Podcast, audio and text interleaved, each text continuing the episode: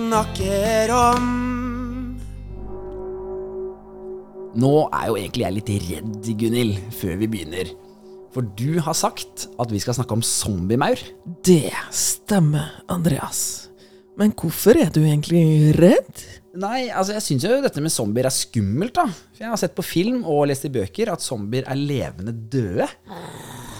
Ja, da skjønner jeg at du syns det er litt skummelt, men jeg kan love deg at det vi skal snakke om i dag, ikke er farlig for mennesker, men det er farlig for maur, biller, sommerfugler og noen andre insekt.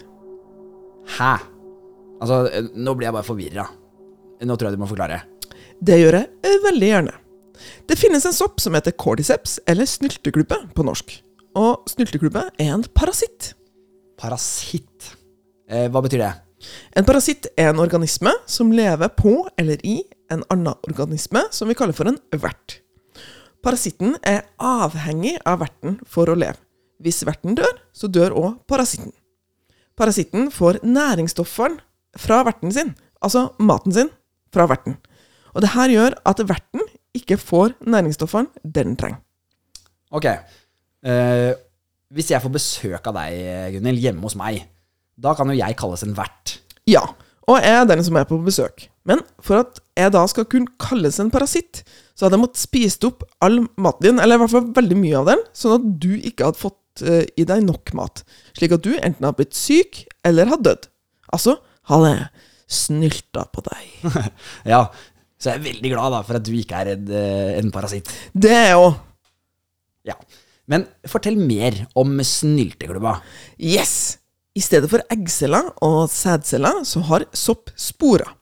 Og sporene er celler som soppen sender ut i verden for at det skal vokse ny sopp et annet sted. Ja, det minner meg om noe av det kuleste jeg vet om, nemlig frøspredning. Oh yeah! Men eh, hvordan gjør snylteklubbene akkurat det her, da?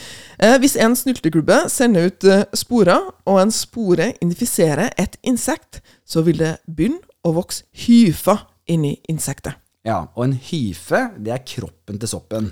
Nydelig rim der, Andreas. Ja. En hyfe er eh, kroppen til soppen. Eller soppen til kroppen. Det ble for mye. Ja. ja. Og når hyfa vokser stor inni kroppen til insektet, så tar den over store deler av kroppen på innsida av insektet. Den fyller på en måte kroppen der.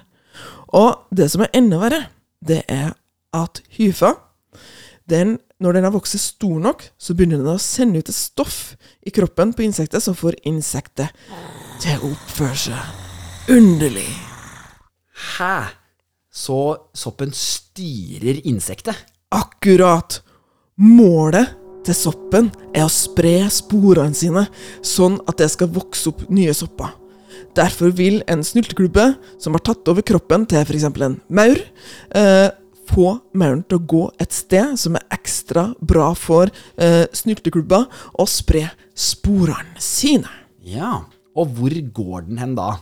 Den eh, kan f.eks. gå et stykke over bakken. Eh, den kan klatre opp på et gress, gresstrå. Og der kan den bite seg fast. Og så vil soppen vokse ut av kroppen til mauren og spre sporene sine, slik at andre maur i nærheten og bli infisert. Men tenk at snylteklubba tar over kroppen til mauren da, og styrer den. Altså, det, en, det blir jo en skikkelig zombiemaur, sånn som du sa. Og stakkars mauren, da. Ja, det er på en måte litt eh, synd på mauren, men det her er faktisk veldig viktig for naturen. Ok, på hvilken måte da? For at naturen skal ha det bra, så er det viktig med balanse. Det skal være akkurat passe mange rever, det skal være akkurat passe mange mus, og det må være akkurat passe mange maur. Og snylteklubba den passer på at det ikke blir for mange maur. Men kan snylteklubba gjøre det samme med mennesker? Ja! Ja! Nei, nei da, jeg bare tulla. Mennesker har en mye varmere kropp enn insekt, så snylteklubba ville ikke kunne overlevd inni kroppen vår. Faktisk er snylteklubba viktig for oss mennesker. Viktig. Hvordan da? Av snylteklubber og annen sopp i samme familie, så lager forskere en av verdens viktigste medisiner. Ja, Så snylteklubber hjelper oss til å bli friske, de da. Ja, så cordyceps, eller snylteklubber, er en viktig del av naturen, og en stor hjelp for oss mennesker. Og i tillegg så er de ganske kule, sjøl om de tar over kroppen til maur og styrer dem som majonetter. Litt skummelt fremdeles, syns jeg.